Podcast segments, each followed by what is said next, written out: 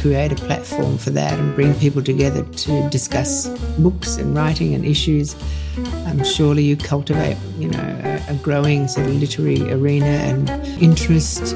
To understand philosophy is digging deep within ourselves by not just reading but also writing.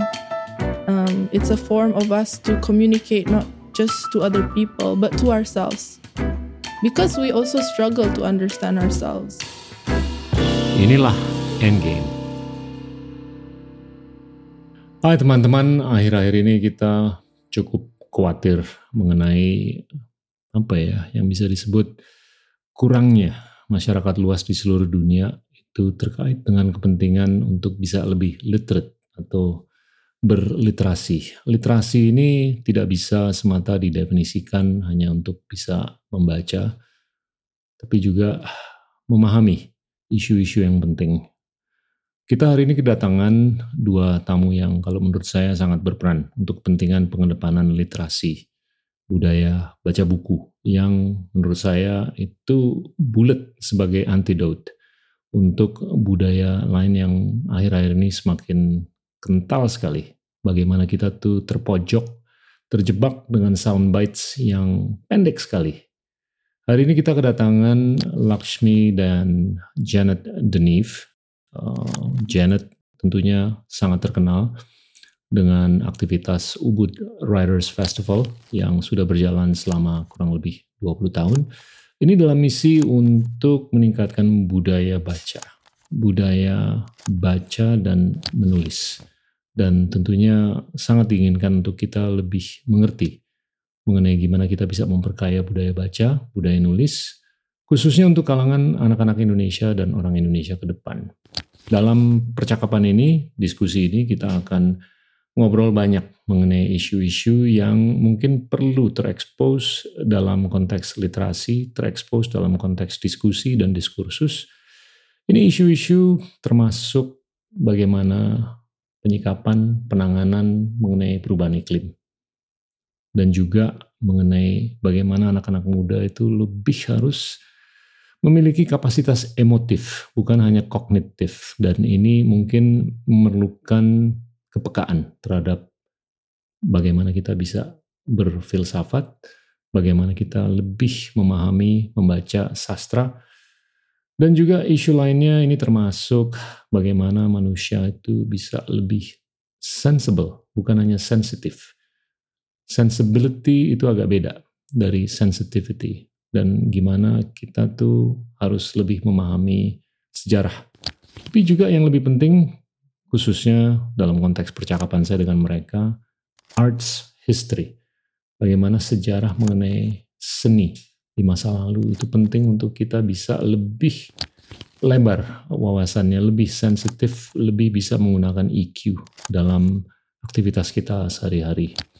Saya rasa ini adalah gambaran mengenai apa yang kita bicarakan, diskusikan bersama Janet dan Laksmi. Selamat datang di Endgame. Semoga bisa dinikmati. Terima kasih. Thank you so much for coming on to our show. Thank you. Thank you. The pleasure is ours. it's been a dream for us to come here. it's a dream for us too. It's Yeah. uh, I know it, it, it took a while to make this work, but Janet, what's what's up uh, in the upcoming Ubud Writers Um, Festival? Yeah, well, actually, first we have the Ubud Food Festival. Yeah, just- it's ongoing, right? Soon, yeah. Yeah. And then uh, we have the Ubud uh, Writers and Readers Festival in October, DBSR. And then uh, this year we celebrate 20 years. So it's our anniversary. My so it's a bit of a. Um, The, the writers or the food? The writers, actually. Okay. So the food's just a baby compared to the Yeah. Writers Festival. How long has the food been around? Uh, well, I guess um, it's our sixth event this year, but you know, with the break with COVID for two years, so it's it's kind of like seven years, but um, or eight, I don't know, but Okay. Okay. yeah, yeah. And what what do you think might or will make this year different for the the past for both the food and the writers? um, I guess the the food festival is just a really exciting program, and we have a lot of uh, little food tours around the island, so um, people can actually see what's happening behind the scenes, you know, and right. connect with artisan producers and you know, see, yeah, different foods, sea salt, palm sugar, chocolate, things like that. And just, um, I mean, it creates this whole Garden of Eden, doesn't it, with, with Bali, the fact that we just have everything. Uh, so we love to show our guests, you know, our visitors, um, nice. how amazing Bali is. And then uh, we have a lot of great chefs appearing, both from Indonesia and this region. And uh, yeah, lots of amazing food. So, um, yeah, it's it's pretty fantastic. We all love it because food's such an enjoyable thing, you know. I mean, it's yeah. the greatest pleasure in life, really. One of them. So anyway, yeah. And and the writers, that's going to be yeah. October, the writers is the twentieth anniversary, so yeah. that's October again. Uh, we're currently selecting writers and mapping out a program and trying to think about what we can do to make it really uh, exciting, more mm. festive. Um, so yeah, that, that's kind of our homework right okay. now. Yeah. Is is a succession in play on the Ubud Writers Festival? As in, you see Laksmi as of course. yeah, yeah, yeah. I forgot to tell her that. But by the way, I know nobody yeah. asked me, but it's okay. No, I, nobody asked me what I wanted to do, but it's fine. yeah, yeah, that would be nice, yeah. wouldn't it? What do you think? One thing that I would do different uh, than my mom for the festival is going more online, incorporating more, incorporating more technology, and just being more present in this, you know, platform in these platforms on social media and just online in general. Yeah. Um, I think that yes, there's of course a threat to reading being extinct. No, I don't think it will ever be extinct. To be honest, we will always have to yeah. read. It's a one form of communication that can never go away. Yeah. Um, but yeah, it's it's definitely shifting. We have Chat GPT now, so yeah, it's amazing. We need to talk about reading amazing and writing and in general. Bad. Yeah, it's it's. What do you think mm-hmm. of Chat GPT? Um, as you say, amazing good, amazing bad. It's it's really scary actually, mm. uh, because we've experimented.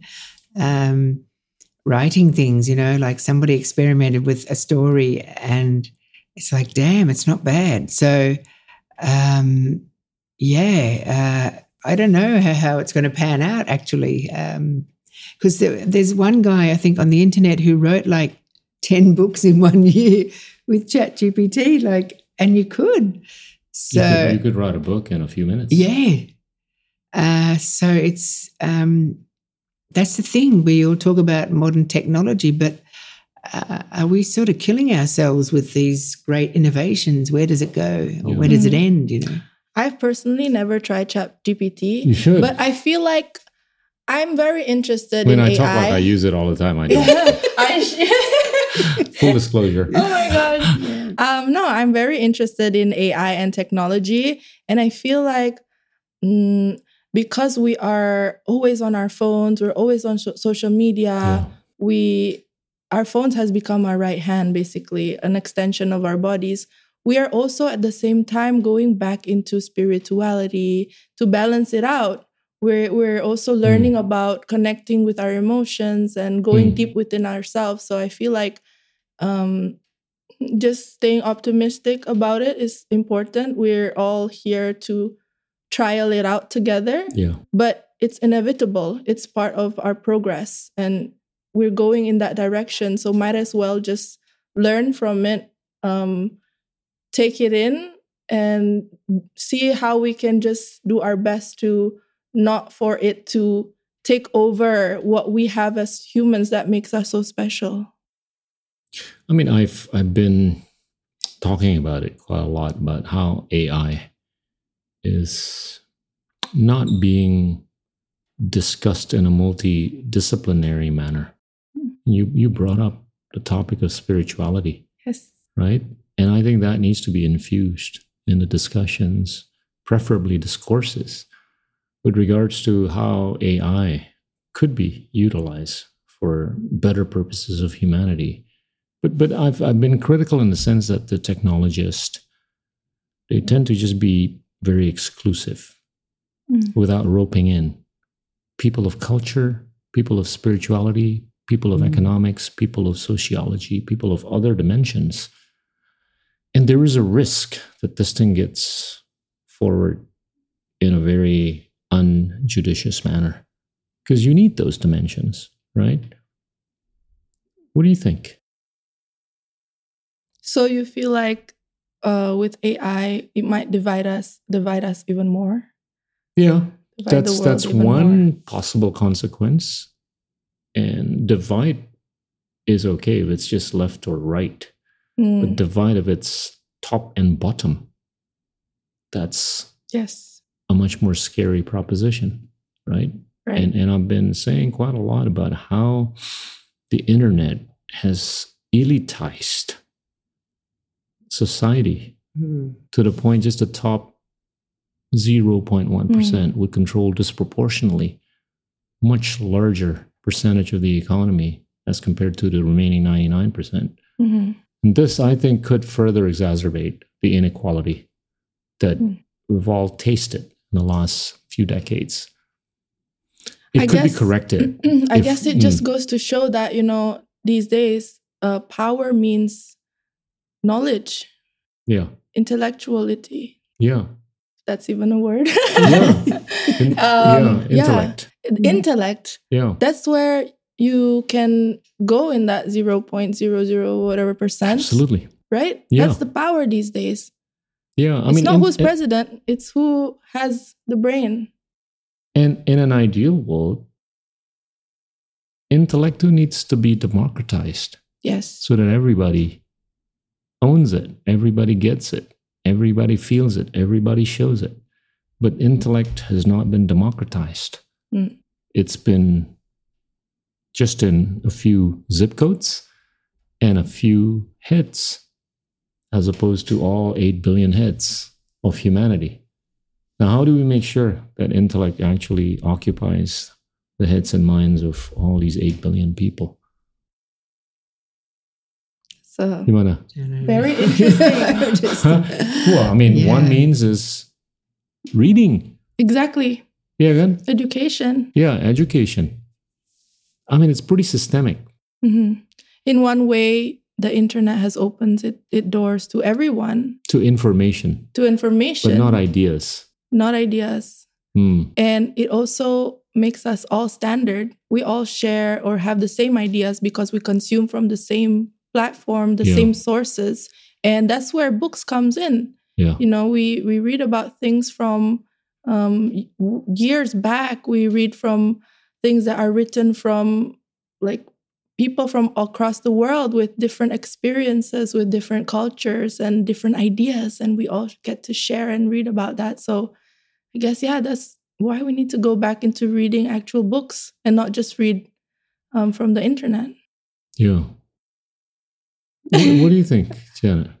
Yeah, agree, of course. Mm. Um, and I guess in order to get back to reading like that, um, there has to be some sort of movement, which probably has to be through social media or, you know, um, Mm. using the platforms that people are familiar with um, to Do, you- do you sense that what you've done for the last 20 years, at times, not all the time, that this would have been an exercise of futility or utility?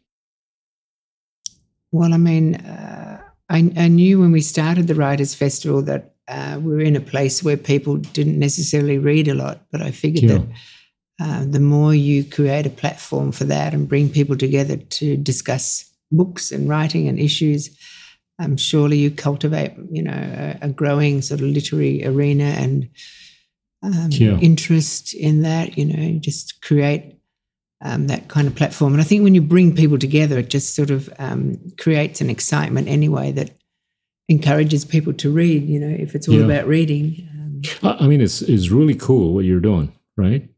But we're we're talking about putting that in the context of this massive technological force Mhm. that makes people just shackle themselves into sound bites of 30 seconds, three Mm. minutes, or 140 characters, or 280 characters. Mhm. I mean, what you're doing is a great act of nobility, right? It's it's good, but what do you think can be done to amplify or to be amplified in such a way that we can actually be the antidote to this massive technological force that forces or shackles people into this narrow corridor Mm. Of sound bites. Mm. Yes. I guess, um, well, trying to focus on the young people. Um, you know, we have the emerging writers Yes. as part of the program, Yeah. um, trying to engage with them and get them more involved. We also have the satellite program after Mm. the festival where we go to remote Yeah. areas around Indonesia, trying to connect with um, like marginalized communities, in fact. So, Mm. um, just yeah, trying to connect with people and create opportunities, I guess, through Yeah. writing. Um, and I think too, we need to think more about awards for young writers and things I like agree. that. So, Mhm. I agree. um, yeah, monetize those kind of things. Yeah. Yeah. I mean, this is all new to us, right? We're only going through this now. So we really need to think of ways. And um, for the younger generations, actually, a lot of them are quitting social media. It's becoming a trend as well, just like getting out of it. Really? Yeah. That's escaping new. it. Mm. Yeah. Getting completely out of social media. A lot of people are. I mean, a couple of years ago, there were the trends of like these phones that are made in somewhere in Scandinavia that doesn't are not smartphones. They're just phones Okay. for calling. Okay. So getting Well, I thought out you were of talking that. about here, no, the young here, not or here. the young in Europe. yes. Okay. Do you see that as a trend that's going to be trendy here? In the West, it could be. You know, I'm not not saying no. Okay. But Yeah. okay, I, I I feel that in order for this to be scalable, Mhm. I think it's it's got to involve the big guys, right? The big guys being Yes. either the government or somebody out there that has stupid money to throw, Yeah. Yes. right? I mean, I'll, I'll be very, you know, open about this. I mean, would there be anybody or any people out there with stupid money who perhaps would share right your Mm. sentiments our sentiments about the need to hmm get as many people as possible to Yeah. read and without being able to read properly they're not going to be able to write Mhm. Properly Mm. right what do you think ask me Well, I feel like, I mean, we are Homo sapiens, so we need a lot of stimulation from the outside world. And Yeah. these people with a lot of money need to be able to stimulate the young children to be interested in reading from an, a very early age. And when they are stimulated from reading, they also open up doors for themselves to go into other things and not just like consume from one source and then we all become standard standardized. Yeah. Um and then also to you know make them want to write. I don't exactly know the answer or the solution or how you can spend this money to make people want to read and write. Um but maybe popular culture can help celebrities influencers. Like you. You know, you're a celebrity. Yes. Right? You're a That's what I'm trying to do. I mean, the Yeah. whole thing with me joining Putri Indonesia was to just at least bring the awareness that um, literacy is important. That we as a country we're so illiterate, and we we need to uplift this problem because it's so underrated. Yeah. And and I, I look at literacy as one where you don't just read or write. Exactly. I think literacy ought to be defined as a place where you can actually read, write, undertake risks, and manage risks. Mm. That's the definition of literacy in totality, right? Mhm. Yes. I mean, for me, it's, you know, your ability to understand the world, understand each other, to communicate, to be able to process information around you. Betul. Betul. And if people are not literate, they can't even process what's on social media. yeah. You know, we're just given information and we believe it. There's so Yeah. many hoax and so many false information Yeah. going around, and we're all consuming the same thing. Yeah. So it's just, It's Yeah. called the post-truth era. where Yeah. people fail to separate facts Yeah. from fiction. and and with algorithms and AI, you know, we're only being fed the things that they think that we like. So yeah, we're so limited in our imagination these Yeah. days, right? that is so true. We lack the imagination. yeah, and we can break away from that by Yeah, the ability to imagine. diversifying the Mm. books Mm. that we're reading. Yeah. And and, and I'm I'm not accepting of the fact that people keep equating algorithmic amplica- amplification with democracy. Mm. Right? These algorithms that we've been talking about, they actually amplify certain narratives that are divisive, Mm. Right? that are polarizing, and as if we're supposed to call them or equate them with democracy. Mhm. It's it's not healthy. No. and and and I think democracy is in a recession in many places, in the U.S., Western European countries, and others. Um, it needs to be, I think, taken a view off by the young generation. Mhm. Tapi eh, saya mau ngobrol mengenai isu-isu apa selain baca yang menurut Anda itu penting sekali untuk disikapi anak-anak muda ke depan. I mean you're what 27. So what what would you want your fellow 27 year olds and younger to think about? What's cool in the future? What's cool for the future? I think uh, what's cool in the future is to be able to stay true to your who you are, your your roots. Do not lose track of of yourself, of of our history, of our culture, and to take that in, to take that with us to the future with technology along with us. Okay, do you sense that your generation understands Indonesia's history? Um, Enough? I don't think so. Yeah.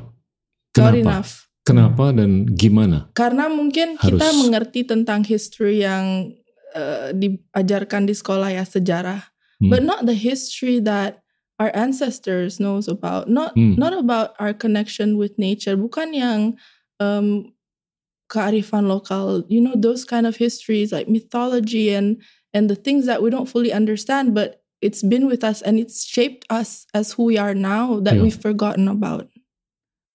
Isn't there a sense that the richness of our history is not adequately documented, Yes, right?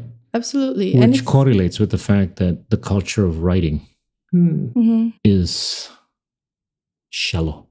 mhm, The culture of reading is shallow, mhm. right? This is, I think, a, a, a, an explanation for the broader narrative.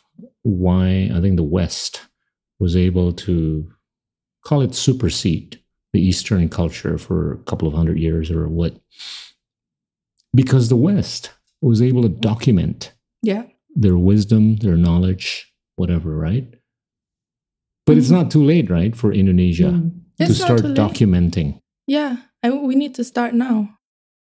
I mean, um, one form of preserving our culture, or you know, we we don't write it, but we have it in the forms of performance. Yeah, Um, like in Bali, we have the traditional dances that Yeah. tells a story, yeah, but that just stayed there betul. until now.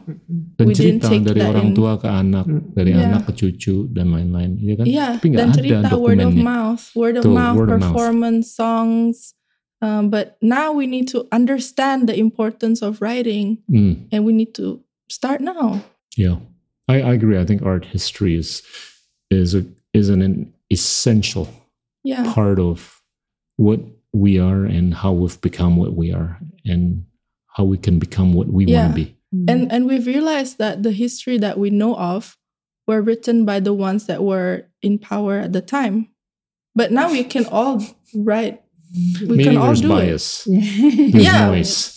I mean, can you Yeah. imagine just not like now the things that we know of the past were because of a certain people. So if we don't write it ourselves now, we don't write what's happening right now at the mo- uh, current time.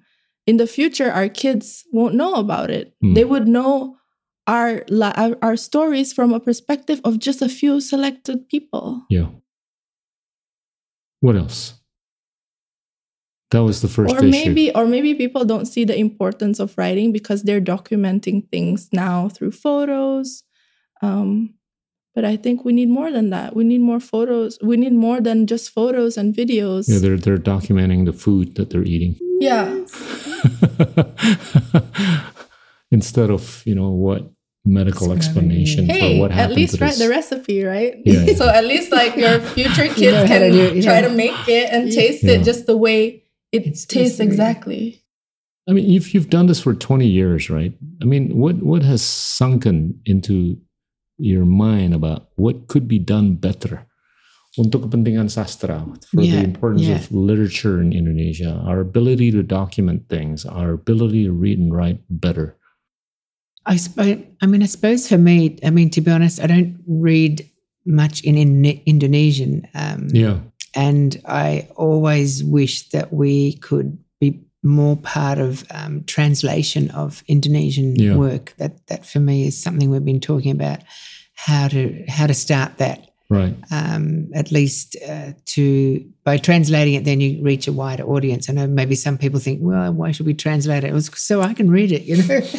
um, yeah, so I guess, um, and also I think if you have young writers, if they have that option to get their work translated, that's quite a, a nice incentive.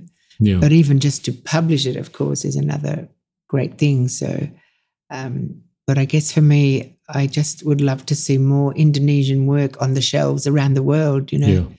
because when you go to bookstores, there's um, Mm, very little. yeah. And Say no um, more. Yeah. And if you ask people on the street, um, name a few Indonesian writers, I was talking to John McGlynn about this. Um, well, he said in within Indonesia itself, if you ask people on the street to name 10 Indonesian writers, they would struggle. Uh, and then if you, yeah. Betul kan? Yeah, I Uh, mean, you had the problem in the 80s about Actually, not that's a great observation. yeah, Yeah. yeah. Name me 10 The Indonesian. Top- touching. or just any 10 Mm. Indonesian authors. Okay, you have 30 seconds. Yeah. but Yeah. I could um, probably name six, Yeah. but I can't do 10. Yeah. And I also was telling you that I have a problem. I feel guilty. I feel ashamed that I don't know enough Indonesian writers and I don't read enough Indonesian books. But is that my fault? Is that the fault of my generation? Or is it also because we simply don't have enough writers Yeah. and books All of the that above. interest us? All of right? the above. So it's a bit of a dilemma. But, I think we can start now and do better. Yeah, yeah, Yeah. So. Yeah. And and I, you know, I've been quite vocal about the need for Indonesians to speak international languages, right? One of which is English. Mm. And and I say English at the risk of being criticized. It's because most of the wisdom and knowledge throughout the world would have been written in English, unfortunately or fortunately. Mhm. And most economic activities throughout the world are undertaken in English. Mhm. If you live in Afghanistan, Mhm. you want to trade with somebody in Ethiopia. Mhm. The trade is not done in Afghan, nor Ethiopian, nor Mandarin, nor Japanese, nor Italian. More than likely, it's going to be done in English. Yes. So there is a vested interest, right, to explore Mm. pengetahuan. Mm-mm. Mhm. There is a vested interest to basically expand the economic pie by engaging in economic activities with as many people as possible Mhm. around the world. So I would I would guess that there's probably no more than five percent of the population of Indonesia that could speak English Mhm. or international language fluently. You being one of them, Mhm. right? For me, language is a complex thing. Not really. I mean, I've seen it with my own eyes where we could actually teach somebody in Flores to be proficient in three months Mm. to the point he could get a job and put food on the table for a family of six. Yeah. Three months. But um, I think for me, language is very complex, especially in Indonesia, because um, I heard from the writer Felix, Felix Nesi. Nesi, Yeah. he said that it's very hard, even for him coming from NTT, Yeah. if I'm not mistaken, NTT, for him to write in Indonesian simply because a lot of the words he cannot even translate to Indonesian, let alone English. Wow. Wow. So I think it's also complex because if you talk to translators, Yeah, that's a whole you know, other how do you translate Rumi's poetry into English?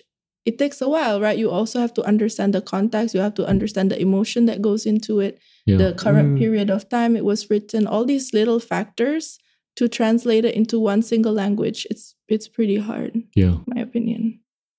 Okay, that that that makes sense. But I want I want to go back to the earlier Oh. point though. How about if a hundred million Indonesians hmm speak international languages?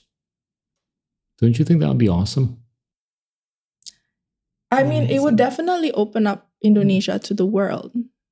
W- I Exactly. believe that we're the most um, invisible, one of the largest and most invisible countries in the world. We're the fourth largest country, Absolutely. I think we have so to be many open people about, don't know about us. about this. Yeah. Mm. right? Mm. Hmm. Is that because of language or? Yes, I do believe that language is It's, a factor. it's predominantly It's a because of language. Yes, yes. We're not telling the story about ourselves Yeah, that to the rest of the world. Yeah, but even the yeah. ones that do speak English, are they writing about us?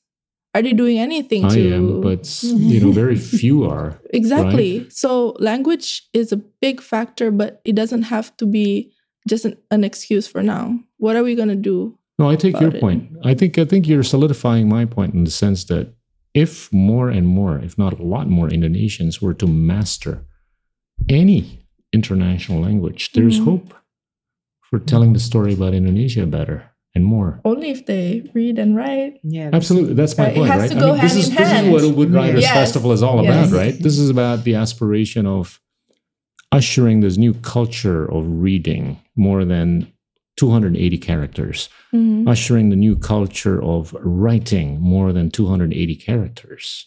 Right? We're Mhm. talking about two to 300 pages worth of thoughts. Mm. I don't care if you use ChatGPT for starters, but you can perfect that by Mhm. humanizing it. And humanizing it, you can basically undertake whatever form of hypnosis upon the hallucinations that are going to be done by the AI, right? But that's a good start. Mhm. And the other good start, I think, is really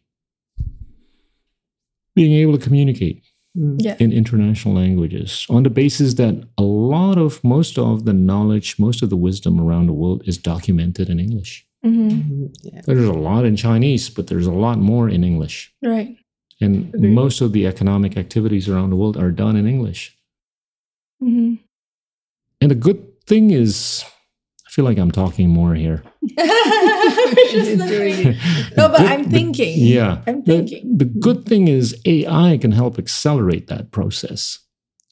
I think we also have to look back in time. Hmm. We have to see um, how the Roman civilization became so big. We have to look at the role of the Latin language. Yeah. I think like we're going through something similar, but instead of Latin, it's English. Yeah. It's the global language currency of the care time, if, of the moment. If, if Javanese is the most used language around the world, Mhm. I'll teach anybody around me to Mm. learn Javanese. I'm not saying you shouldn't. yeah. If it would have been Latin, Roman, Mandarin, Mm-hmm. Japanese, Portuguese, or Italian, or Spanish, Mm. I would tell anybody just, you know, But, because yes, we I- want to be more knowledgeable. Yeah. I think this is a very in- important and interesting conversation for people of my generation Yeah. because we're speaking more and more English now. Yeah. But then at the same Yeah. time, we're also being, in a way, criticized or judged for being able to speak um, better English sometimes than Yeah. Indonesian. Me, for Yeah. instance, as How do Putri you how do you take on that criticism? Kalau kalau dikritik sama orang Indonesia, ah, nih orang kalau saya belagu bercanda, banget ngomong bahasa Inggris mulu, nggak pernah Iya. ngomong bahasa Indonesia. dibilangnya jaksel, right? But kalau saya bercanda, ya saya bilang aja kan saya putri Indonesia, bukan putri bahasa Indonesia. putri Oh. Indonesianya yang memiliki mungkin lebih global I, I perspective. can see that becoming a short, you know, Yeah, yeah, YouTube, yeah. whatever, But YouTube you- short. is it is it my fault? Can you blame me that I um had the opportunity to go abroad for eight years since I was sixteen? Yeah. Um, to to study abroad where I predominantly use English. So I Yeah. started thinking in, in English. That's Yeah. why um, speaking in Indonesian was a struggle for me coming back from abroad. Yeah. It's just because simply it's just easier for me, much more efficient and faster to get my ideas out in English. Bahwasanya Anda akhirnya balik dan Akhirnya balik. tetap mengakar di sini dan keluar negeri untuk mewakili kepentingan Indonesia. Itu kan membuktikan bahwa Anda tuh sangat Indonesianis. Mm-mm. Iya kan? My values as Indonesian is still very strong. Ya, It's just I have this language barrier. ya. Tapi saya belajar, Pak.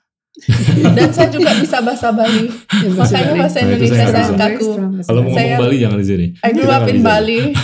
I know I grew Kalau ngomong in bahasa Indonesia dengan logat Bali boleh. Nah, Tapi boleh. jangan lah. Tapi kan saya tuh besarnya di Ubud ya, Pak. Ya, Jadi sama bapak itu pakai bahasa Bali. oke. Sama my mom pakai bahasa Inggris dari kecil.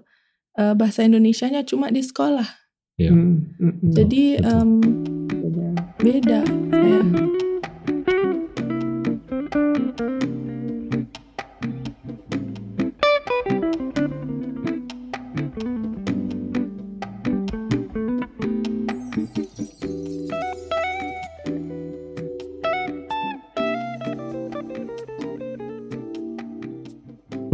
sejarah itu isu pertama. Yang kedua isu apa lagi? Yang menurut Anda generasi muda tuh harus kuasai atau paham?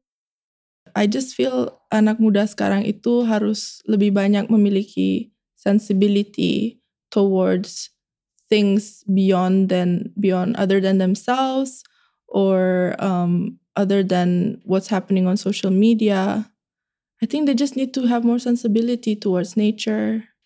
I don't know if it's because my influence of living in Italy, I have a bigger sensibility towards nutrition, health, my food, um, You're talking about appreciating sensitivity quality, or sensibility? Sensibility, Okay, all right. just being more sensible about things. Okay. So there's access, sensitivity. There is access action, excessive action towards certain things by your generation that needs to be made more sensible. No, I don't think there's access. Um, I just think that you know we we need to be more educated on what's really important in life. Okay. Being sensible about things, about where our food is coming from. This is just a small example. Yeah. Appreciating quality. Yeah. Uh, understanding what life is about, what's truly important for us. Yeah. Um, it's it's our health. It's how we feel. It's our environment. It's our relationship with people. It's the time that we have. It's the time we have to spend with our family and all these things that I, that I feel like was so strongly present uh, in Italy, where I was living for Yeah. four years, but not here, and uh, maybe even less um, also in Italy for the younger generation. So I think we need to keep this. We need to um, remember that you know what's important in life is at the end connection, our experiences, our time. Is this more of a lifestyle thing that needs to be altered for the better? Mm, I think it's also spirituality, Hmm. understanding uh, the Wow. world, Mm. philosophy. Hmm. Yeah, it's What uh, it take? adding, injecting more philosophy into our I, I, lives. I'm with you. What what it what would it take for your generation and the younger ones to better philosophize or to philosophize more? I feel very lucky because I got it from my parents, especially my dad. My dad. Let's give credit to my dad for once. my father. My husband. Okay. yeah. um, he would always tell me stories about um, spirituality, tell me stories about, you know, Balinese Hinduism. And like just talking about what's most important things in life, what's important, which is, you know, dharma, adharma, what you do for other people, and all these things. Just connecting mm-hmm. with Explore. the Yeah. Keep on. the ma- the material world that's one thing my father the other was my experience living in italy that gave you a bit more philosophical, appreciation whatever. Sentuhan appreciation filosofis. towards life Okay. beyond the materialistic world beyond um, social media our phones yeah, just appreciating things where it came from, the food that we consume. Mainly it was the food because I was in Italy. But what what, what But- benefits have accrued to you by way of becoming or being more philosophical or sensitizing yourself with philosophy? That I can just feel better about myself. I feel like I'm becoming a good person. Um, there's there's a lot, a lot of things. It's mainly mainly for me first, how I can feel settled Yeah. with the life that I'm living in, with the Yeah. body that I'm in. Yeah. Because me as a Balinese, we believe that we are a soul. And I have a lot of questions about life. Hmm. And I think many young people do. We struggle to understand why we're here. And that's the role of philosophy Yeah. to make us feel okay and to make us feel like we're not lost. We know where we're going. We know what we're doing. We know what's the purpose of life. What's how do you define enough? How do I define yourself. enough? Because that that I think is pretty zen, right? I mean, the young generation have difficulty in defining enough of many things. Well, I'm young, so I still I'm talking also, to you. Yeah. I'm asking you. I mean, I think I can ask Janet the same question. Have you had enough? No. I mean, what? I mean, what? How do you develop the ability to say that it's enough, that you're content? Since we're on a subject of philosophy it's very interesting. I don't think Yeah. I'm ever content. Because so- sometimes I'm like- Sometimes Yeah. uh, enough is like understanding that there's limitation to things. You're told not to be on your phone too much. So once you realize that you're on your phone too much, you tell yourself, okay, that's enough. But that's coming ex- from external sources. You're told that you shouldn't be on your phone more than an hour. yeah, And then you say to yourself, that's enough. okay, But I think enough is being able to define yourself how things are to your advantage, Mm. how things can add value to your life, how things make you feel content truly from inside. But is has there been a moment or an episode where you didn't get what you wanted, but you were able to tell yourself, "I'm cool with it." You can't always get what you want. Some Mick Jagger. What do you think? I, to be honest, struggle to communicate as a kid. And I often felt like because I couldn't communicate what I really wanted, I often didn't get what I want. So I just buried it inside Hmm. and um, tried to just act cool. But but what what ability did you develop that allowed you to be calm with it? Well, it's a very uh, difficult question. What ability I mean, you that brought up philosophy, right? So I'm trying to get you to philosophize a little Okay. bit more. I mean, um, I, I can tell you what and how I define enough. If I know I've if I know I've done my best, I've done my most, and I prayed for it, and I Mhm. still don't get it, ikhlas. I'm Yeah. content. yeah, I think that's You know, also don't push it, and I can Mm. still sleep. That's also how I've been dealing with things. Just understanding that um, there's not one way to Rome. There's Yeah. many ways. Yeah. So if you are rejected or you don't get what you want at one point, you know, there's other things that you can do and you move on and you just trust that it's not meant for you. And you trust that there are greater things ahead waiting for you. Yeah. What about you, Janet? Yeah, I'm just trying to think. um, I don't know if I ever think. Anita, I mean, Yeah. you, you're, you're married to you're hard married to a philosopher, so Yeah, you yeah. gotta have some philosophical yeah, my dad touch. has a PhD in Hindu philosophy. yeah, um, I'm really not philosophical, so um, well, I don't She's have Australian. I'm Australian. I don't have. A, She's about to crack some jokes. yeah, no, you Good day, mate. Yeah. uh, I don't know. I don't know um, if I ever think enough is enough. Anyway, I'm trying to think. When have I thought, okay, that's enough? Um, yeah, I don't know. I, I just push myself continually. So, um, Well, I, I just I wasn't. I wasn't thought. suggesting Yeah, that we all give up, right? yeah, right, right, yeah, yeah, But yeah. I don't But know. I think I'm- there's got to be a point when you know you keep hitting, uh, hitting a brick wall, Mm. and you just gotta either go Yeah. around the wall or just chill. I just had an interesting thought. You know, we always think that philosophy is such a heavy topic, it's this heavy thing, but actually, it shouldn't be.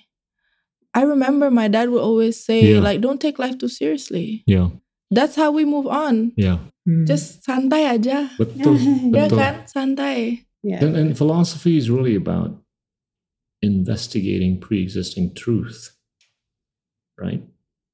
And if you dare not investigate pre-existing truth, then you cannot philosophize, Mm. Mhm. right? What I mean by that is, I think there's some element of critical thinking that's required for you to philosophize. Mhm. You gotta, you gotta be able to think critically. Mhm. You know, th- there was a statement from one of our guests earlier that having the cognitive capacity is key. But if you combine that with emotive capacity by way of reading a lot on literature, philosophy, history, and stuff like that, that will increase your emotive capacity. Talk a little bit about how understanding or studying philosophy can make a person richer. hmm I think we have to make peace with the fact that we cannot know everything. We cannot be the smartest person in the world. One of the greatest advice I was um, given to was that before I went to Miss Universe, um, someone told me that, okay, there's going to be 80 girls there. They're all going to be smart, beautiful. But what you want to do is to show yourself as the wisest person. And I think that's such a special quality to have because we cannot be the most intelligent person. What for if we are not good human beings? Yeah. Even Albert Einstein talks about, you know, imagination, Mm. creativity, having a Mm. heart, doing the right thing Yeah. because um edu- uh, knowledge is not everything knowledge is is power but it's not it doesn't guarantee you to have a good life it doesn't guarantee that when you're done with your life it will add value to you you'll be happy Yeah. and i think um a lot of the struggles that we're facing now is mental health issues because we forget that time. emotive qualities are so important. What What are some of the little steps that you know the young generation could take to better philosophize? Yeah, and again, I was gonna expand on that, saying that reading is one way for us to really connect with humanity as well as wri- writing. Um, one of the best um, Indonesian writer, Bapak Putu Oka Sukanta, yes. Yeah. talks about Mm. how writing makes you more human. And he told me the story that I was so fascinated by. When he grew up, he was dirt poor. He grew up in Bali. He had nothing. He didn't even own a pen and a paper, but he became and grown to be this amazing writer. He told me that he wrote everything in his mind. And when he went to prison, also, one way for him to feel like a human being was to write. And I think for us to be more wise, more emotional, and to understand philosophy is digging deep within ourselves by not just reading, but also writing. Um, it's a form of us to communicate not just to other people, but to ourselves. Because we also struggle to understand ourselves. What for if we're smart, but we don't know what we want in life? We don't understand who we are. So I think we need to really start reflecting more and um, using books and pen and paper Yeah. as tools for becoming better and doing better for our world. We've we've touched upon art history. Yeah. hmm We've touched upon philosophy. hmm You talked a little bit about sustainability. Mm-hmm. Peel the onion. Um, For young people, I think it's important. Of course, now we don't want to be talking about sustainability. Yeah. We don't want to be uh, volunteering or be an activist at such an early age, but we have no other option Yeah. because it's our future that's at stake. Um, we we need to be really demanding more um, sustainable actions, sustainable policies from governments, businesses, and all these things. Do, do you think there is Let's enough start with that. activism at the grassroots level? I think there's Or, or would you think that Mm. the activism, activism is more at the elite level? no, I think there's not enough activism in person, in real life, that doesn't have to be shown on social media. Yeah. There's a lot going on on Mm. social media, and social media amplifies it. But when you go into your day to day life, Yeah. there's nothing going on. Yeah. So there's not enough activism that is truly just activism that is not on social media, that is in our day to day life, in real life. There's not enough. So you sense that there's excessive virtue signaling, Yes. right? Not corroborated by actual action Yeah. I would or say, commensurate action. yeah. And I would say there's enough if I myself can personally see it on a daily basis, understand it on a daily basis. Yeah. What What do you think explains that? Well, just the fact that we are really living so much on our devices. It goes back to my old point. Yeah, we live so much on our devices that we see um, for an hour all these posts about Mm. activism and sustainability. And then we think that our whole day has been evolving around that. But when we turn it off, there's nothing going on in our real lives. yeah. Well, there's a lot, of what I call armchair activists, you know, who um, you claim to be activists. I guess yeah, through social media as well, but Right. again, they're not really doing anything. Um, Mm. yeah, that's kind of uh, the social media dilemma too. Yeah, and then there's a bit of hypocrisy. Mm. right within the sustainability space i'm not saying there's i think there's a lot of genuine Mm. You know public intellectuals within that space who are thinking and trying to make things happen hmm but there's also a lot that are just riding on this you know bandwagon for Yes. purposes of virtue signaling Mm. i mean the classic example is you know those that have been talking about climate change are actually flying around on private jets Yeah, that's right Yeah. i mean that's a mockery Mm. and that's Mm. hypocrisy at its best, yeah. hmm right? Uh, yes. But but my question is really about how do we get activism uplifted at the grassroots level in in the kind of scale that we want to. But do we want activism to be lifted on a grassroots level, do. or do we want the leaders of the world to do more? The businesses. Well, I think the leaders of the world are trying. At least they're trying with their rhetoric. You think because uh, I was at the Net Zero Mm. summit the other day, and Yeah. everyone was saying that we just need more political will. So it seems like there's not enough political will. Seems like they're not doing enough. Yeah. Yeah. Well, the, the problem is that most of the politicians, they're shackled, right, Mm. by the cycle of five years or the cycle of four years. We call that political cycles or Mhm. political processes.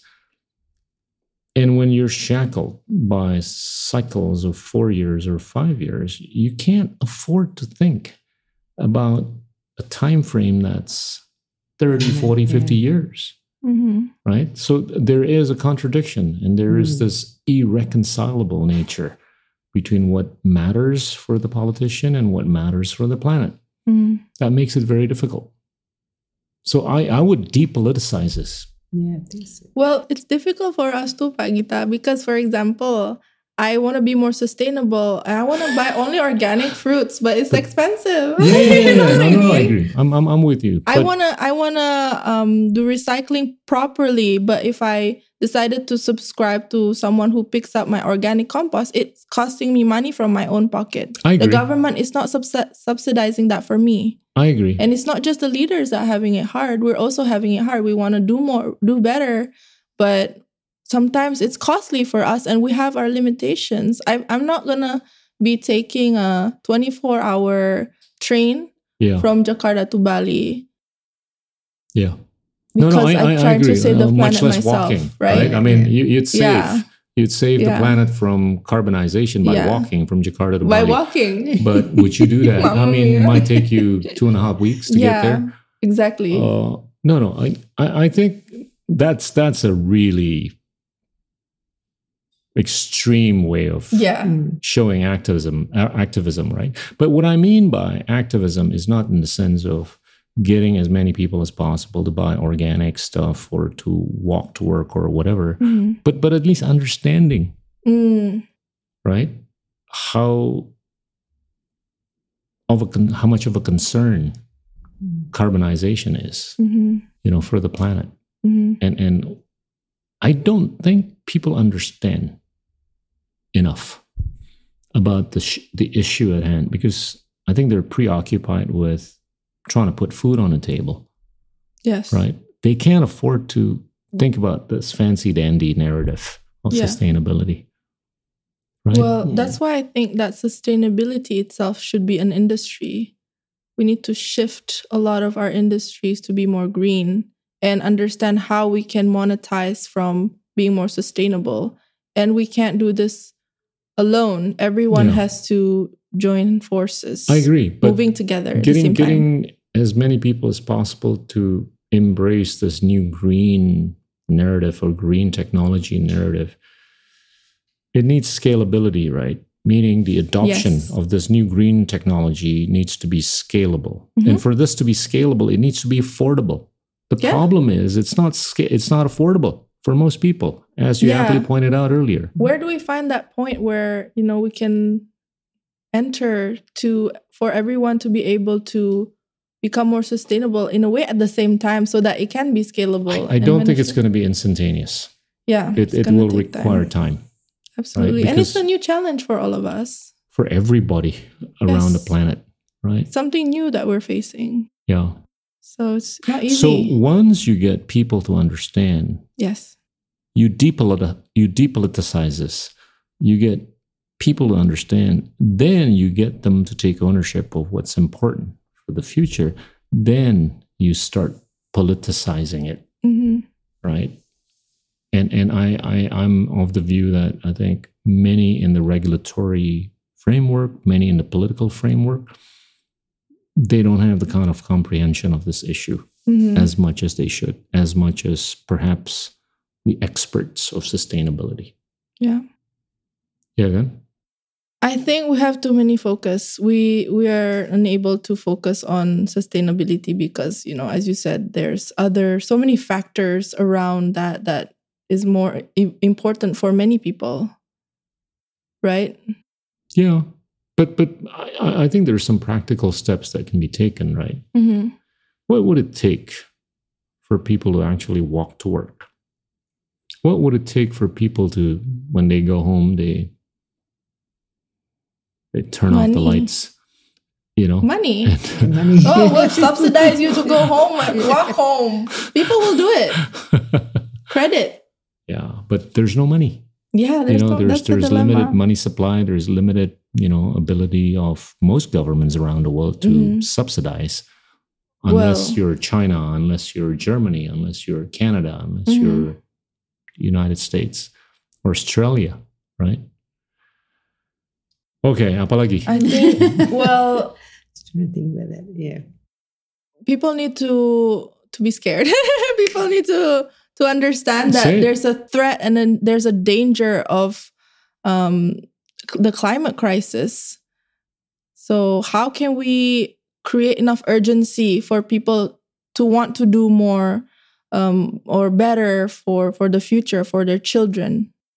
How do you think you can create that kind of insecurity amongst many people without causing panic i mean we're talking about causing insecurity yeah. not panic how I mean, if we're talking about a huge amount of people, we have to somehow look into pop culture, maybe yeah popularity. We need to do something, perhaps a movie, which starts probably in writing. yeah So perhaps books that talks about the dangers of the climate crisis, um, a speculative dystopian future um, novel that can warn us against the things that we're currently doing, the business as usual that warns us that that's not good enough, that's endangering our existence in this world. What describe the dystopia that you have in mind with regards to sustainability? How bad could it get? Well, we're gonna be extinct before before the COVID nineteen pandemic. Um, before it got really out of hand, I was reading the book Severance by Ling Ma. Hmm. And that's a dystopian novel talking about a virus that infected many people and ob- obliterated um, her city and then eventually the world. So, someone who who's a writer who's interested or have knowledge in in uh, climate change should should write something about that. I can't think of a scenario, but yeah, I can just put ideas of people should write about this and that. Janet, you got to say something. Who, who, which authors that you've seen, you've met, you've listened to, heard, or whatever, who could make an impact in Indonesia on any issue that matters in the long term, in the long run? Let me think about that because uh, you mean an Indonesian writer or Let's start with? Indonesia because the Yeah. universe is not that big, right? Yeah. Then we'll expand that into the international universe. Well, I mean, again, it has to be someone young. Yeah. Um, Siapa? Who who impresses you most? in terms of the way they connect with people, Yeah. etc. Um, as a writer, I th- I'm very fond of Dewi Lestari. Okay, very Um, dear friend. yeah, she's wonderful. Um, I What think. what do you think makes her special? Uh, I think because she she didn't start off from a literary background. She was a singer, Yeah, and then um, started a to really write great singer a really great singer, Mm. yeah. And then started to write these novels that are more about, well, more spiritual and all of that. Um, yeah, and just I think she just connected with people um, a bit more like the Paulo Coelho kind of on that sort of spiritual journey, etc. So I think uh, she has a huge following, obviously, Yeah. and connects really well with young people. So I think that's what we're looking for for someone who connects and uh, communicates in a really um, egalitarian kind of warm way. You know that Hmm. that everybody feels included in. You know, inclusive. Kalau menurut saya yang mungkin bisa melakukan perubahan eh, adalah bukan penyair, bukan penulis. Perhaps the president himself, if he came up with a book after his his reign is over, his time at the office is over, he could he might be able to create a huge impact, a shift in Given mindset. his popularity, Given his popularity, Yeah. I agree. yeah, right. Hmm. Bapak Jokowi, Yeah. Mohon dicoba untuk menulis bukunya, Pak. Writing a letter. Or you Yeah. could be the co-author. Along Okay. with uh, Darmawan Prasodjo, because he wrote his first English biography, Ah, yeah. autobiography. Really? Yes, it's a really good book. I learned a lot. I gotta ask you this: mm-hmm. when you look at a, a writer, does it make a difference between his writing a biography of himself or writing on other things? Does that define the quality of that author? I'm trying to think of the, like a novelist who has also done that. Yeah. Um, although I suppose it's people like Amitav Ghosh who has written uh, stories about his life, you know, when he was Yeah. in Egypt, things like that, um, which really uh, added to him as a writer, in fact, because now he's also writing about climate change. So Yeah. um, his uh, whole kind of body of work is fascinating, and um, I think he's uh, growing in his um, ability to write, or just uh, the fact that he's he's done the autobiography, but also novels, and then again about climate change, etc. Yeah. Um, yeah, I mean, if they have an interesting life, you know, um, makes it more interesting. I don't know. Um, Okay. Let's go back to the Indonesian universe. You were kind of like murmuring in the back about, you know, Mhm. doing some sort of a book club. so That I um, thought is it's a pretty cool idea. so if people somebody were to do a book club, right, the way Oprah does it. Yeah. Um I think what's so cool about our current generation is that there's so many new business ideas Mm, and people need to uh, be more creative and find different ways that are not traditional to monetize things. yeah. Well, I started a book club on Instagram, and during the pandemic, that was quite trendy. And I wanted to help my mom's Writers Festival to be more present online, uh, especially on social media. So I volunteered to host um, an annual, no, sorry, not annual, a Okay. weekly book club actually. Really? So for Wow. about a couple Yeah. of months, I was hosting um, a weekly book club where I would Online. read Yeah. on Instagram. I would read one book a week, and I would invite uh, popular uh, guest stars uh, like Asmara Abigail, for example. um, and I wanted to understand more about book clubs in general. And I did a lot of research. And of course, I started the book club on IG Live because I was inspired by Kaia Gerber, Mhm. um, daughter of Cindy Crawford. She also started hosting an, an IG book club. And then I, I was also inspired by Oprah Winfrey. And then I found out Reese Witherspoon has a book club. And I was just so fascinated by the fact that she is such a smart lady who didn't start a book club just for fun. Yeah. Uh, she started the book club to actually also help writers Right. but also she monetizes the whole thing. Yeah. So she would buy exclusive rights from the pu- publishers of these books, and then she would go to Netflix, propose the idea. She would create the content. She would create the, the TV show or movie that won Emmy awards, Wow. and then she would monetize the whole thing. And then she would go back and then um, buy buy more rights for books and keep going. And it still is going now. She has 2.5 million subscribe followers on Instagram for her book club, and she is, I believe, uh, one of the wealthiest actresses in Hollywood. Reese Witherspoon. Wow. Yeah, And- she's a billionaire. And people need to understand that you can make money from books. yes. You can Yeah. monetize things. You can That's do amazing. whatever Mm. whatever it is you're passionate about and f- be creative. Find ways to make it work. This is really punchy. I like And this. Du- Dua Lipa also. Yeah. Dua Lipa is also very Yeah. involved in. Uh, In a book club? No, she she I think starting her book club on Service 95, which is a platform or digital magazine that she created. She's starting her book club there, but she's very involved with the Booker Prize and she's very um active in the literary scene. And, and she's probably an avid reader. She right? is. Yeah, for Yeah, so she is. What, what makes these people special and magnetic is that they're genuine They're genuine. readers. They're passionate about it. Oprah it. is a genuine reader. Yes. Too. And they be- really Dua believe Lipa. in the power of books. yeah. You know, a book is a square object, Yeah. pieces of paper with writings on it.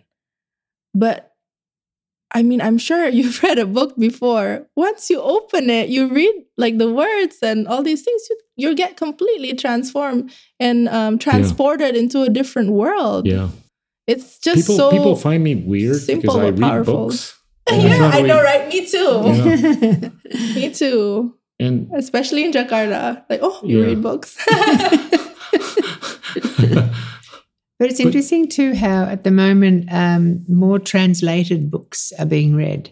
yeah. I think that's Indonesian to English or English to Indonesian? uh, just around around the world. Maybe not Indonesian as much, but uh, the rest of the world is yeah. training. Chinese reading- English, Korean. Chinese Reading or more, yeah. or whatever Yeah, translated and to more English. right? readers of translated work.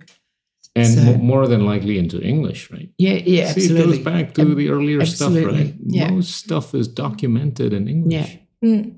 Well, one of my favorite um, book that was just like a collection of essays written by Nina Mingya Powles, the Oh, yeah. young writer from she's from New Zealand, but then her mom or father's from Malaysia Yeah. and then China. So she's a little bit like me. She's from all over the place.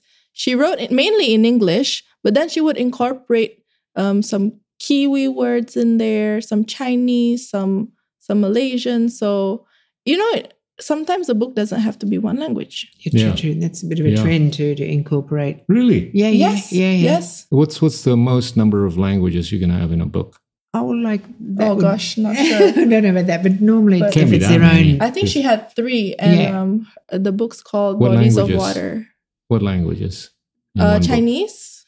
Okay. So she one part of the essay she was in China. She had Chinese characters in the book, but she explained everything. It totally makes sense. Um, there was uh, the Kiwi language because she also grew up in New Zealand. Now, for those that don't understand Mandarin, how would they? I understood. I read it. I read the book. There was like the characters, but then explanation In English. in English. Cool. So you, you interviewed her as well. I yeah? interviewed for her the for the writers the festival, Writers Festival online. Wow. Yeah. online. She's a really interesting young writer based in She's the a UK. great writer. Yeah, she's cute. Actually, this book club idea is fantastic. yeah, I think Yeah. somebody like you ought to do it. So yeah, the idea is just to um, create a book club with the Ubud Writers and Readers Festival to bring up Indonesian writers. Yeah. and young young. I just can't see this happening with, you know, somebody fly by night, you know, who never read books and No, no. tries to monetize and oops, okay, I'm doing a book club. No, You know, but you it's it's said. got to be somebody who genuinely, yeah. you know, practices reading. Mm. You know, and is passionate about this. I, I sense that you're very passionate about reading. Comes from the mom and Yeah. the father. I mean, I try to read as much as I can, but of course, sometimes, you know, it's hard for me um, right now with all the work I have to do. And also, I feel like, you know, my focus is narrowing down Mm. with social media. We have a shorter attention span. Yeah, It's been really challenging. But because, terrible. but the book club actually helps a lot because then you have to be accountable Oh you my have a deadline. I Yeah. have to read the book. Yeah. So I actually really, really like book clubs. And if you struggle with finishing a book or reading, join a book club. Yeah, true. It's gonna be much more, much more exciting. It's actually Yeah. really entertaining. It's like you um, watching a TV series and then you meet your friend the next day and you talk about it again. It's a, it's the same with the yeah, book club. That's nice. Yeah. But I think once also once you start reading, um, you just get into that pattern as well. When you, if you were with the book club and having to read, well, then you just get into that pattern of reading more. Because I think, Yes, and you read more. to God, Yeah. you both should do it. Ah, Yeah. You- she you've been do it. you've been doing this for 20 years. I mean, Yeah, you should Yeah. expand on this. yeah, yeah. I mean, I mean, it's it's it's really cool. I mean, in terms of getting more and more people to Mhm. read. and businesses should also get along with it publishers um, bookstores because oprah alone managed to sell 50 million Oh, man. copies or more like since she started Yeah. the book club She can sell anything. she can sell anything and the, the good thing about her is she's very selective on what she decides to sell, yes right? Because people believe in her yeah. conscience, yes right? And that Mm. that's what makes her special. Mm, Similarly with Reese, not sure about Dua Lipa, mm, but Mm. I think we'll find out. yeah. we'll find out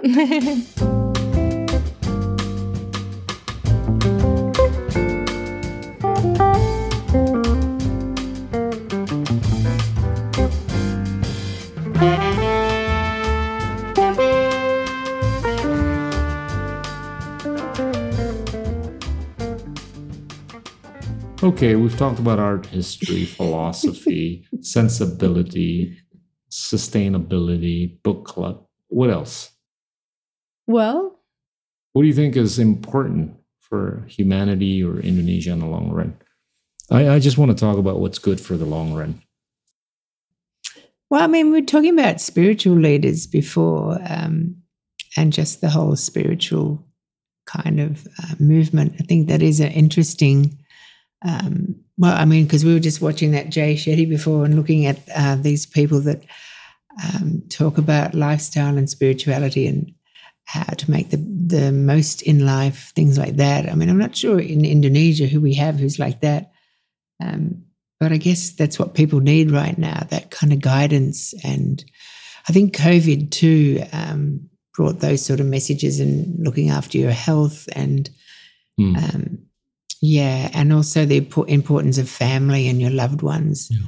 So maybe we are all getting towards that kind of more spiritual, philosophical kind of way. And maybe we, we are, we do seek or we need some sort of leader that's going to take us along with them. Mm-hmm. I think I was going to say what you mentioned leader Yeah. that you know as Indonesians, especially the young ones, we need to know what we want.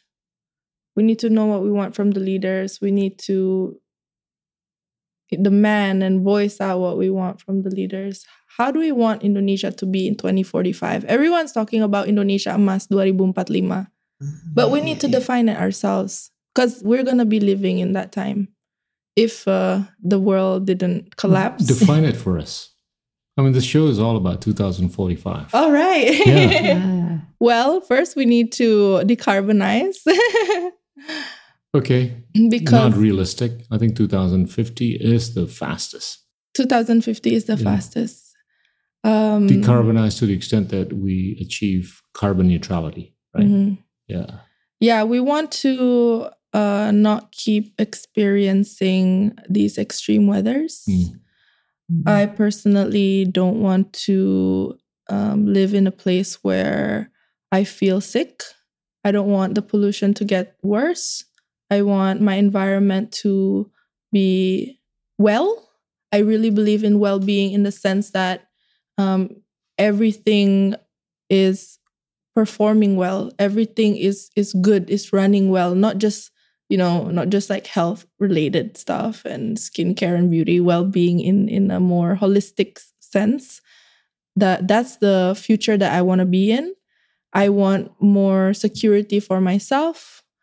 I want to feel that um you know, we can be free to live life and express our creativity and to do what it is that we want to do without having the burden and the worry about all these problems that my generation didn't create. Yeah. Yeah. On point. Yeah. I mean, it's it's kind of sad that we're mortgaging the future Yeah. for the convenience of today, Yes. for the benefit of today, Mm. right? Yeah. I want to move along to do the things that are um, positive and c- create solutions Yeah. together with everyone in sync. And I don't want to be the one talking about sustainability while other people are like, who cares? Why are you talking about that? Or burning carbon. Yeah. Like, why do you care? Mhm. yeah.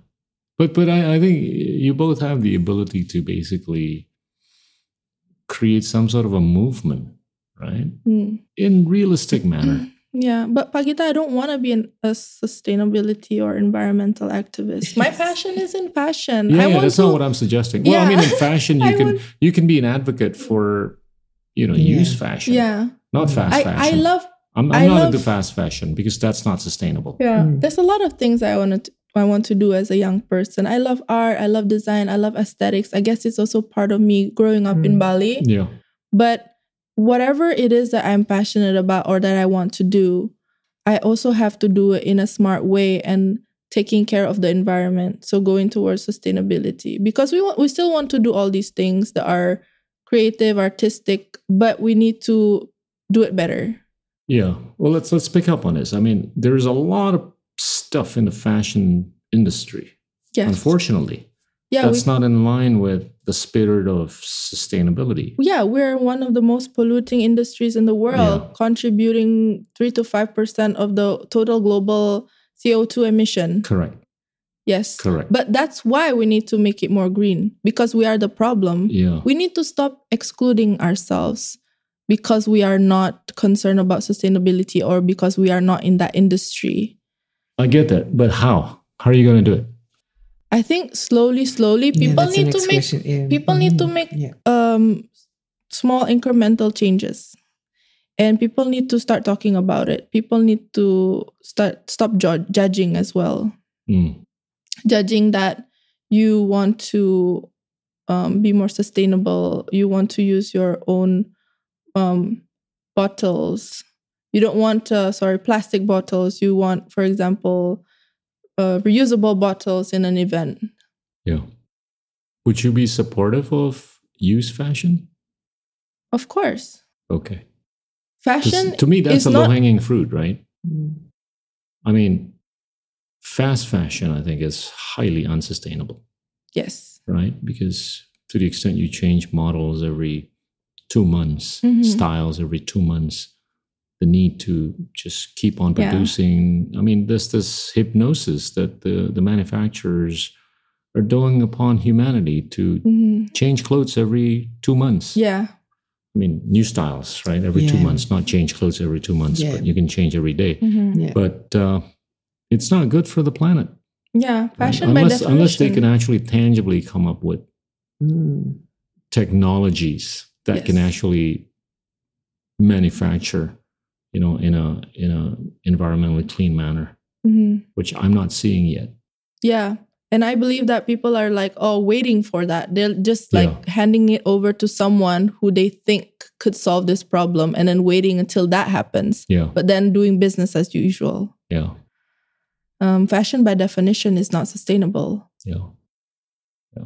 Well, that, that was like during COVID, we all Mm. thought that um, fashion might change or the that it might become more sustainable. I mean, there was just this feeling that maybe things would change, but actually nothing did.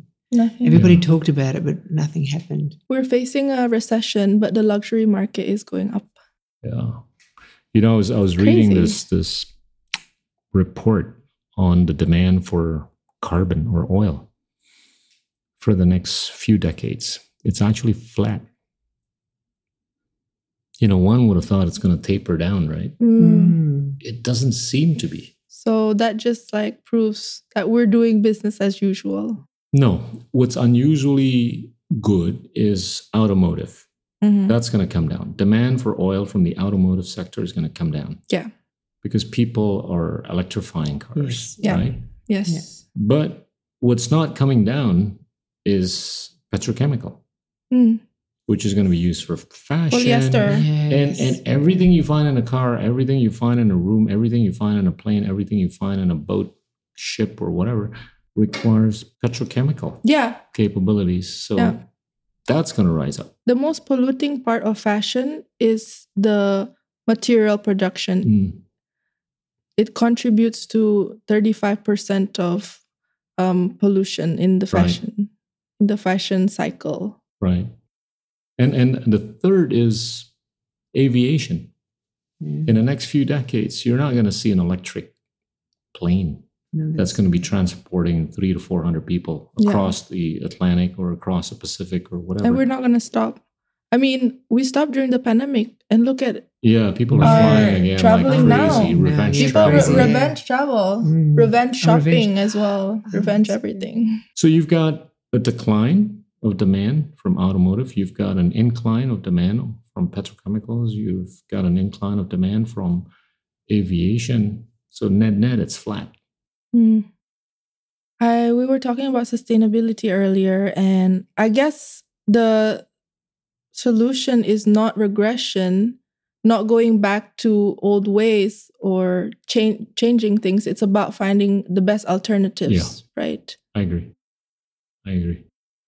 But but I think that illustration captures what's possibly going to happen. Mm. You know, as much as you want to pivot to renewables, uh, there there are just certain things that are not going to be replaced Yeah. with renewables, such as petrochemicals demand and you know demand for oil from the aviation industry. Realistically, Well, Indonesia is building a petrochemical industry. We're gonna start producing our own plastic. because the demand for clothes, the demand for components and whatever that's going to be in a car, it's Mm. going to be in a room, it's going to be in a plane, it's going to be in a boat, that's going to be it's all going to require petrochemical, Mm. you know, activities. The thing is, it's such a convenient material, and we cannot go back from convenience. We're creatures of convenience. So that's the dilemma. How do we deal with things? walk to work. Reduce, right? Reduce, reuse, recycle. We need Walk to to start. Bali. We need to start using these um this reduce, reuse, recycle in in order. Reducing things. Yeah. So so important. I just I just think that in the absence of catastrophic scenarios, Yeah. I don't think it's going to be easy to change habits. You know Yes. that are of convenience. Mm. Definitely. So We've talked about a lot of stuff. so much.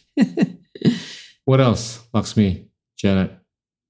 Any any big names coming up in the Ubud Writers Festival? Uh, we have, um, well, I'm thinking of international names. We have Geraldine Brooks, who's um, a Pulitzer Prize winner, um, Wow. actually Australian, but living in the States, yeah, former journalist. Um, I've been a big fan of hers for a long time, so I'm really excited. she's going to be there physically. Yeah, physically, Wow. yeah, yeah. I mean, we've sort of gone back into the full physical festival, yeah, and great.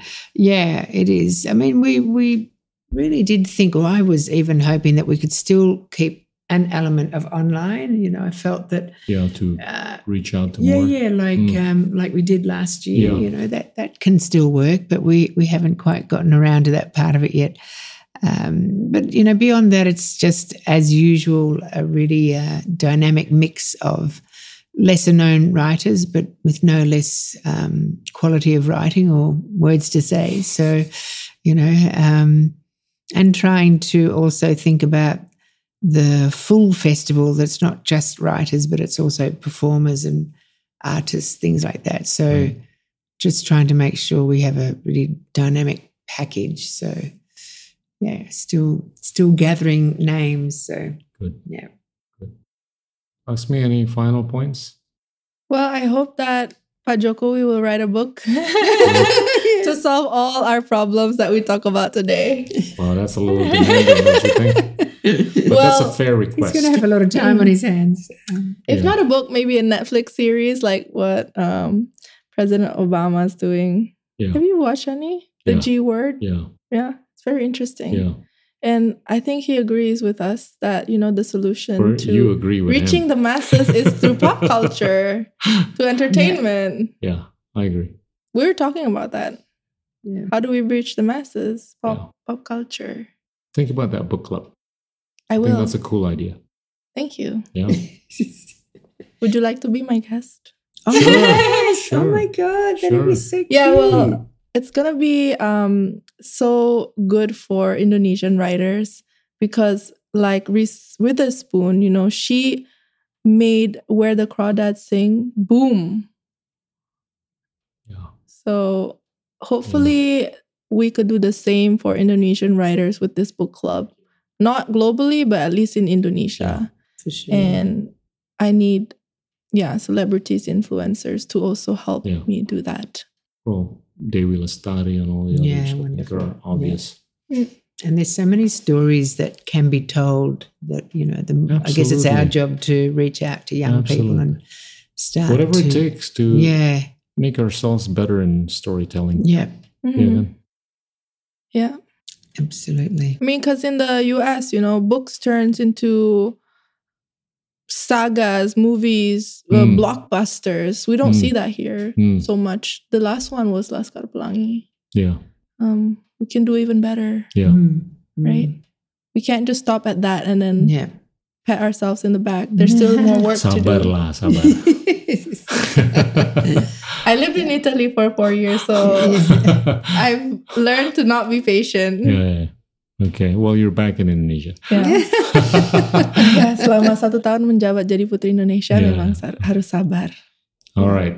Thank you so much. Thank you. Thank, Thank you so much. Thank you. Thank Yeah. you. Thank you, Terima Pagita. It's been a pleasure. Yes. Also keep doing amazing things. Thank you, I thank watch you, your thank you. podcast Thank you, thank you. religiously. Thank Yeah. you. Thank you. Teman-teman, itulah Laksmi dan Janet Denif dari Bali. Terima kasih banyak. Inilah Endgame.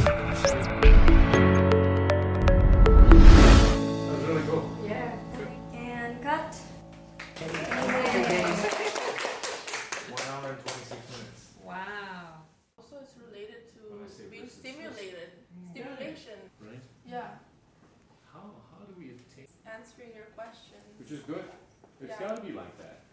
Which is why we're we're not scripted. Okay. Like book ambassadors here this month. Yeah, There's, dikit uh, banget. there's Maudy Ayunda, but that's it, Yeah. Yeah, but yeah. right? If Yeah. we if we uh, wanted to do a podcast, can we ask